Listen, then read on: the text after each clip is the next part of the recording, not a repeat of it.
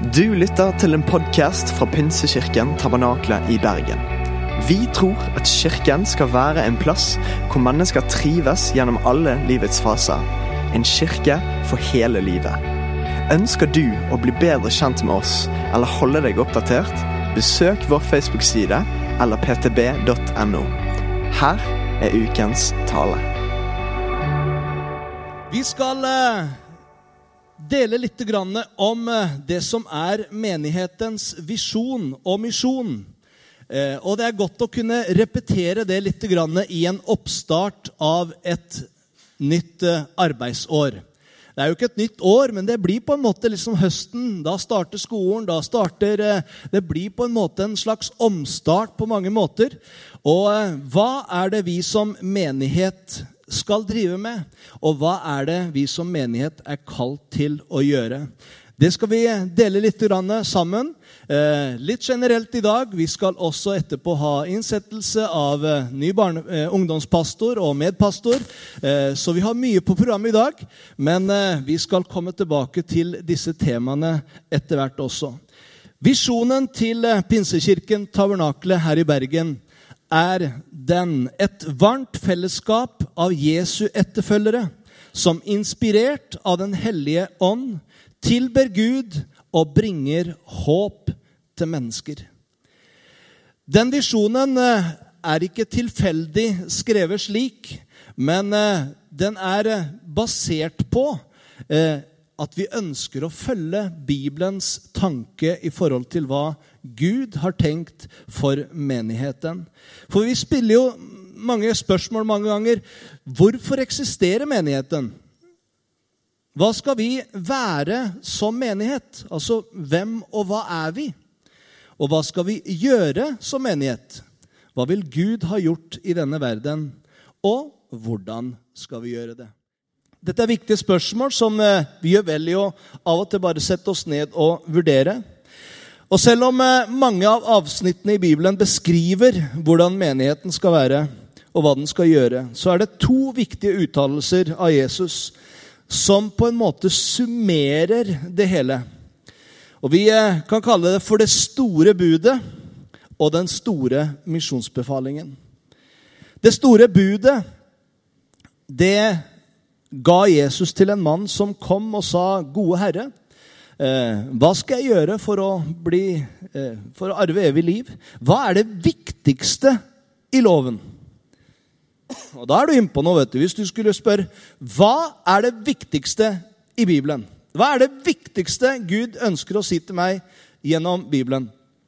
Så kan det være han hadde svart dette til deg. Det står i Matteus 22, 37-40. Du skal elske Herren din Gud av hele ditt hjerte, av hele din sjel og av all din forstand. Dette er det største og første budet. Et annet er like stort. Du skal elske din neste som deg selv.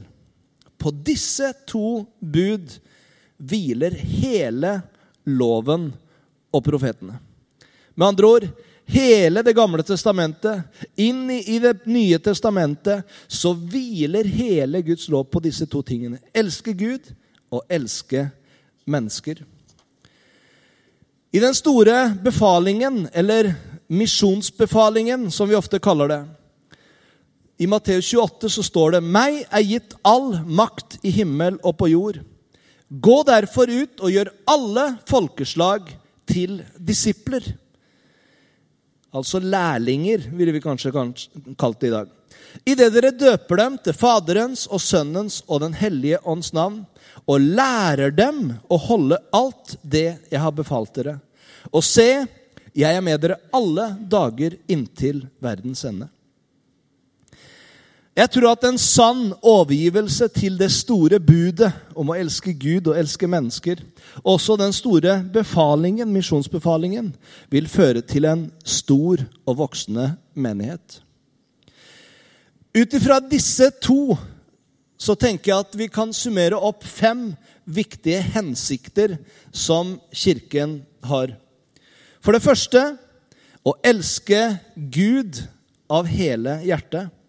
For det andre elske de neste som deg selv. Elske Gud har med tilbedelse å gjøre. Elske de neste har med tjeneste å gjøre. Gå og gjør disipler har med misjonsoppdraget å gjøre, eller evangelisering. Døper dem, kommer inn på det, har med medlemskap eller samhørighet å gjøre. Og lærer dem å holde, har med vekst og modenhet å gjøre. Det å elske Gud av hele hjertet er den første vi kommer til. Det har med tilbedelse å gjøre.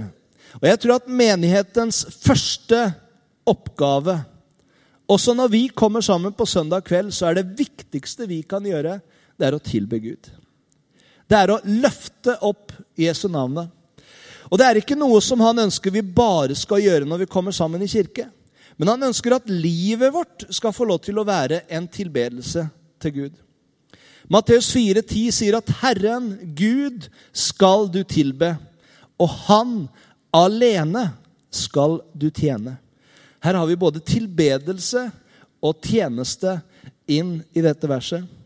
Og gjennom hele Bibelen så blir vi bedt om å tilbe Herren og opphøye Hans navn. Salme 34, 34,3 sier, 'Pris Herrens storhet med meg, og la oss sammen opphøye Hans navn'. Gud vil ikke at vi skal tilbe ham fordi han sier det. Han vil ikke at vi skal gjøre det av plikt, men han eh, vil at vi skal ønske å gjøre det. Vi skal glede oss når vi uttrykker vår kjærlighet til Gud. Han ønsker at vi skal få et møte med han på en sånn måte at eh, vi bare elsker å være sammen. Det er som et godt kjærlighetsforhold. Når det er noen du er glad i, så det er ikke, det er ikke vanskelig å være sammen med noen du er glad i. Det er liksom ikke så åh, må jeg henge med henne i dag òg? Eh, nei, ikke sant? Når det er et kjærlighetsforhold der, så Oi, når får jeg se Linda igjen? Det er sånn.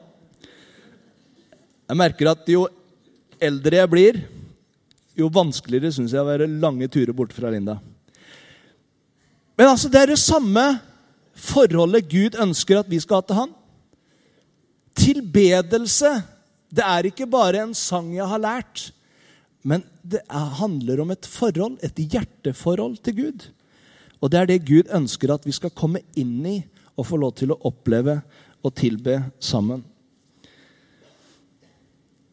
Det andre som eh, vi ser i forhold til det store budet, er å elske din neste som deg selv. Jeg kunne jo begynt med å si hvor viktig det er at du elsker deg selv. Det er mange som kanskje har problemer med det. Du våkner opp om morgenen og ser deg i speilet og tenker 'Hvorfor er jeg sånn?' Og det er mange mennesker som sliter akkurat med dette med å elske seg selv. Vi hadde en sånn runde her for en del år siden hvor det var sånn parole med 'elsk deg selv'. Eh, det blir helt feil å bli navlebeskuende og bare være opptatt av seg sjøl. Det er ikke det jeg mener. Men Gud ønsker at vi skal elske vår neste på samme måte som vi tar vare på oss sjøl. Vi kler oss, vi spiser, vi sover. Vi bruker tid på oss sjøl, vi bruker penger på oss sjøl. Og så ønsker Gud at noe av det som jeg er opptatt av med meg, også skal jeg være opptatt av når det gjelder min neste. Og Kirken er til for at mennesker skal oppleve å bli betjent. Tjenesten uttrykker Guds kjærlighet til andre ved at vi møter deres behov. Og hver gang som du strekker deg ut til andre i kjærlighet, så tjener du dem. Og Jeg tror at eh, Kirken skal være et sted der alle behov blir møtt. Både de åndelige behovene, de følelsesmessige behovene. Ha noen å samtale med. Og Det er derfor vi også legger til rette både for bønnerom, vi legger til rette for samtaletjeneste, hvor folk kan ringe og si 'Vet du hva, jeg trenger noen å prate med'. Vi ønsker å være en kirke hvor ikke bare vi ser det åndelige i menneskene, men ser at vi er hele mennesker. Vi er ånd, sjel og legeme. Og alle disse tingene trenger å ta svare på. Jesus sa at til og med et glass vann som blir gitt i hans navn, blir betrakta som en tjeneste, og at den skal få sin lønn. Det er sterkt. Det er ikke de store tingene alltid, men det er det du gjør i kjærlighet, i tjeneste til andre. Og Jeg tror Kirken skal være med å utruste Guds folk slik at vi blir gjort i stand til tjeneste. Det er mange ting i en kirke som dette som trengs å gjøres hver eneste uke. Og jeg tror en god måte å få lov til å komme inn og kjenne eierskap til kirka, det er å finne en tjeneste som du kan være med i.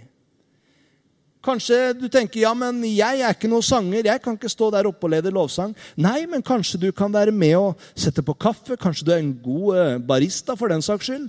Vi trenger det på kaffedralen her nede snart. Eh, en god barista. Kanskje det er andre ting. Kanskje det er teknikk du er god på. I en kirke så er det mange forskjellige tjenester der hvor du kan få lov til å si 'Dette kan jeg. Kan jeg bruke det i tjeneste i kirken?' Og så kan vi få lov til å være med og tjene hverandre.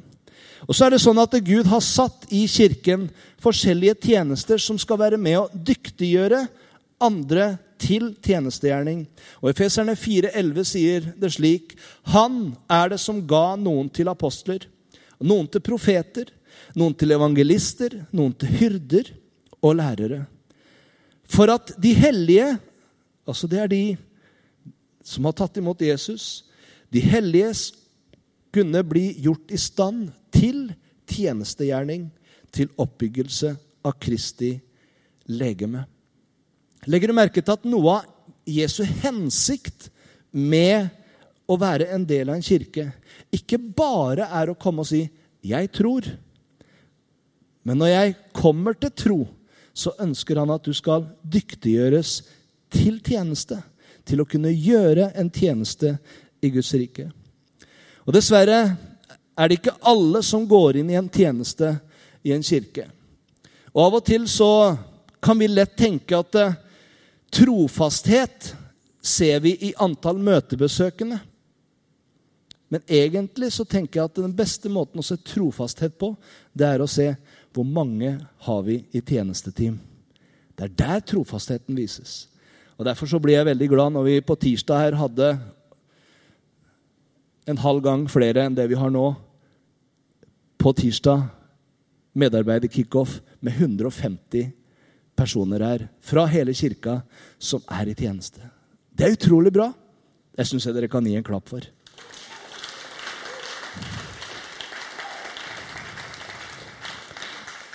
Og Hvis du ikke var en del av dem, så kan du gjerne komme og snakke med oss etterpå, så skal vi finne en tjeneste til deg som du kan trives i og være en del av. For det er godt å få lov til å være med og tjene.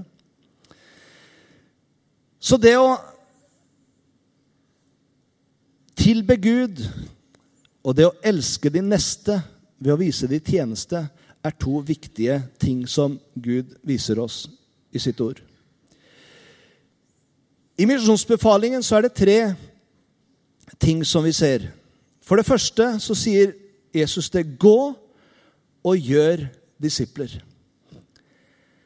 Vi kan si at det har med evangelisering og misjon å gjøre. Og Kirken den er til for å formidle Guds ord. Faktisk så er du i en utrolig stilling. Du har kanskje tenkt at du har dårlig status, men Gud kaller deg faktisk ambassadør. Det er ingen dårlig status. Eh, det er de som står direkte under et lands regjering og representerer i et annet land. Det er ambassadører. Og du og jeg, vi får lov til å representere kongenes konge og herrenes herre. Han som har frelst oss, han som ga sitt liv for oss, han som døde og sto opp igjen. Han får lov, vi lov til å representere som ambassadører for. Og vår misjon er å evangelisere verden. Ordet 'gå' i den store misjonsbefalingen er egentlig ikke sånn 'gå en gang', men det er noe vedvarende. Det er gående, gjørende, lærende, står det egentlig i presens partisipp i forhold til hele det som står i eh, misjonsbefalingen. Vi skal fortelle hele verden om Kristi komme, hans død på korset, hans oppstandelse, at han eh, har lov til å komme igjen. Og En dag så skal vi stille til regnskap for hvor alvorlig vi tok dette ansvaret. Evangelisering er så viktig at Jesus egentlig ga oss fem forskjellige skriftsteder i forhold til befalingen. Både i Matteus og Markus og Lukas, Johannes og i apostlenes gjerninger så finner du misjonsbefalingen beskrevet om å gå ut og fortelle og gjøre mennesker til disipler. Og evangelisering er ikke bare et ansvar, men det er også et utrolig stort privilegium. Tenk at vi får lov til å gå med verdens viktigste budskap til mennesker. Hvis du visste hvordan du kunne kurere kreft, så ville du gjøre alt for å få ut denne nyheten. Og det ville redde millioner av menneskeliv. Du har fått evangeliet om evig liv for å dele det med andre. Og dette er det største av alle nyhetene. At mennesker ikke trenger å gå fortapt, men ved troen på Jesus kan de få lov til å få evig liv og evig frelse ved Han. Og Så lenge det er mennesker i verden som ikke kjenner Kristus, så har eh, Kirken et stående mandat. Og Jesus ber oss om å gå til hele verden og dele budskapet om frelse. Gå ut i hele verden, gjør disipler, døp dem, sier han. Jeg har lyst til å si litt om dåp. Vi hadde dåpshandling etter gudstjenesten i formiddag igjen. Eh, men dåp, hva handler egentlig det om? Jeg har skrevet medlemskap her, men jeg vil forklare. Det har ikke noe med en, et navn i en protokoll. Men det å være medlem, det handler om at du er et lem på en kropp. Du, kirken er som et, en kropp som har forskjellige lemmer. Og hver eneste av de lemmene på kroppen, de er nyttige og er viktige for at kroppen skal kunne fungere. I den greske teksten så sto det, som vi nevnte, også når det gjelder gående, døpende og lærende. Og alle disse hører med til befalingen om å gjøre disipler. Så hvorfor er dåpen så viktig at den får en slik plass i den store misjonsbefalingen? Jeg tror det er fordi at den symboliserer en av menighetens oppgaver. Og det er nemlig samfunn. Det å identifisere oss med Kristi kropp. Som kristne så er vi kalt ikke bare til å tro, men vi er også kalt til å tilhøre. Være en del av. Vi er ikke kalt til å være eremitter, som når vi har trodd, så skal vi gjemme oss holdt på å si ut i skogen eller inn på et kloster. Nei, Gud ønsker at vi skal ha fellesskap, ha samfunn. Dåpen er ikke et symbol på frelse, men det er et symbol på samfunn. Og den symboliserer ikke bare vårt nye liv i Kristus, men den visualiserer et menneskes innlemmelse i Kristi legeme. Den nye troende som blir døpt, ønsker vi velkommen til samfunnet i Guds familie. Nå er du en del av familien. Og vi er ikke alene. Vi skal støtte hverandre. Vi skal heie på hverandre. Vi skal be for hverandre. Vi skal oppmuntre hverandre når det kjenner at det ikke går så bra. Fellesskapet skal være der. Og Jeg liker det som står i Efeserne 2,19 i Living Bible. Der står det altså er dere ikke lenger gjester og fremmede. Du kan komme hjem til noen som gjest, eller du kan komme til en samling hvor du føler deg som en gjest. Men det å komme til fellesskapet, til samfunnet i Kristus, der vil han ikke at du skal oppleve det som en gjest. Hva står det? Nei, dere får være Guds eget folk, sammen med alle som tilhører Gud. Dere er medlemmer i Guds familie. ikke det flott? Gud ønsker at vi skal bygge fellesskapet og få lov til å heie på hverandre.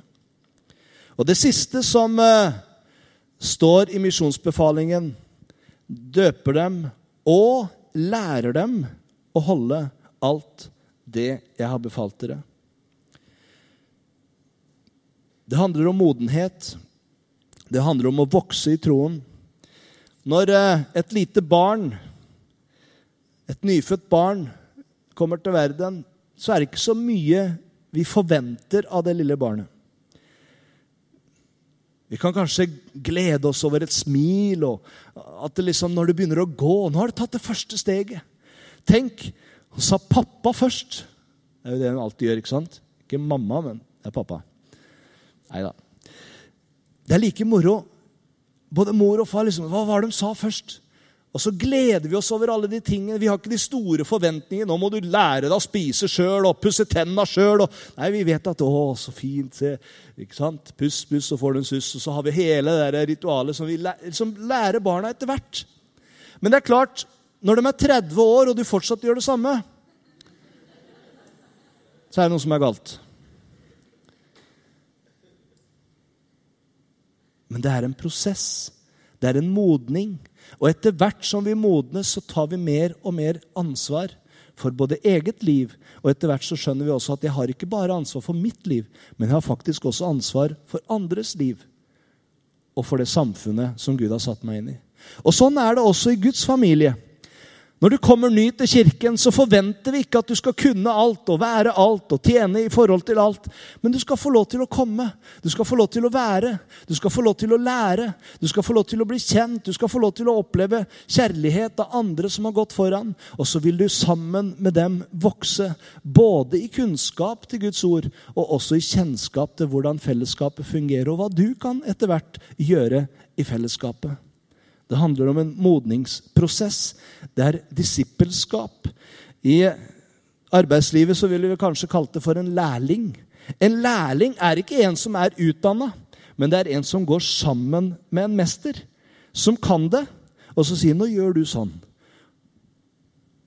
Se hvordan jeg gjør dette. Og neste gang så sier jeg 'Nå gjør du det, så skal jeg sjekke at du gjør det riktig'. Og neste gang så er ikke han lærling lenger. Nei, han har fagbrev og har blitt en mester. Og kanskje har sjøl lærlinger som han kan lære opp. Og Jeg tror også er sånn det skal fungere i kirken. Vi kan få lov til ikke det at vi tror at vi blir mestere, for vi er alltid underveis. Men noen har gått foran, noen har lært litt mer, og så har vi et ansvar for de som kommer etter.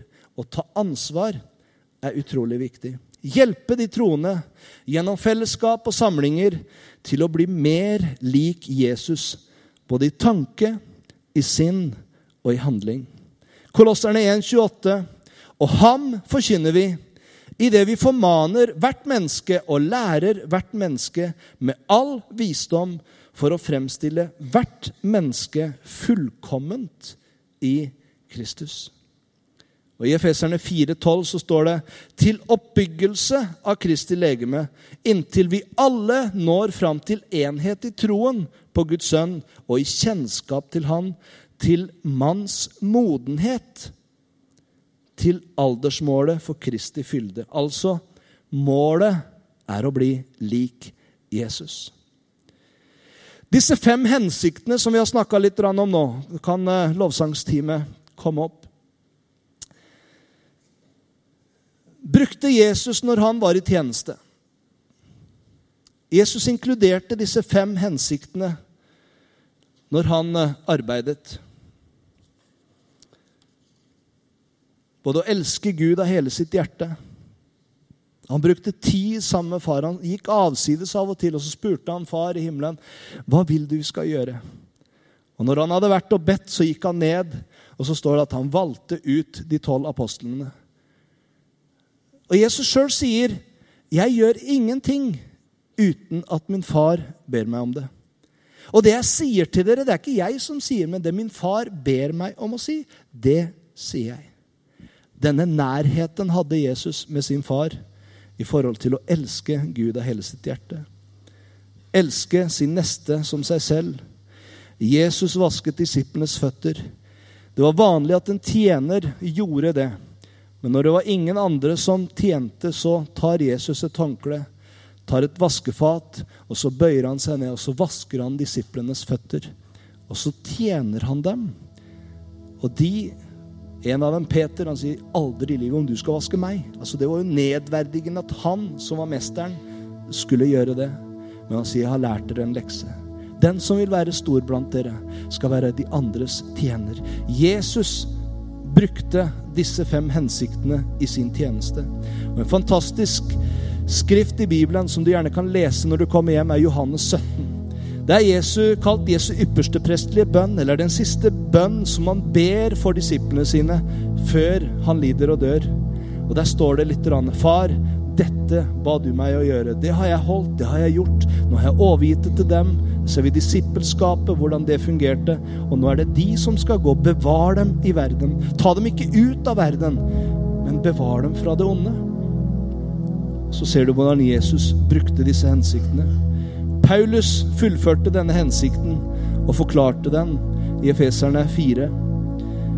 Og Kanskje det klareste eksempelet for disse fem hensiktene ser vi i den første menigheten i apostlenes gjerninger. De lærte hverandre, de hadde samfunn med hverandre, de tilba sammen, de tjente, og de evangeliserte. De fylte den daværende verden med evangeliet. Vi står overfor de samme oppgavene i dag. Jeg tror at menigheten er til for å undervise, for å oppmuntre, for å utruste og for å evangelisere. Og enhver menighet kommer til å ha sin egen stil når det gjelder gjennomføringen av disse. Jeg tror at mange kirker får lov til å betjene mange forskjellige mennesker. Og vi har etter hvert i kirken vår bestemt en form som vi ønsker skal være den som betegner oss. Fordi det er den type mennesker vi ønsker å nå. Og vi ser at det, det er veldig bra. Men så er det andre kirker som kanskje har andre uttrykksformer og så får vi være forskjellige kirker med forskjellige uttrykksformer, men med de samme hensiktene å nå forskjellige typer mennesker. For at alle skal få oppleve Jesus. En sann overgivelse til det store budet og til den store befalingen tror jeg vil resultere i en stor menighet. Vil du være med i den?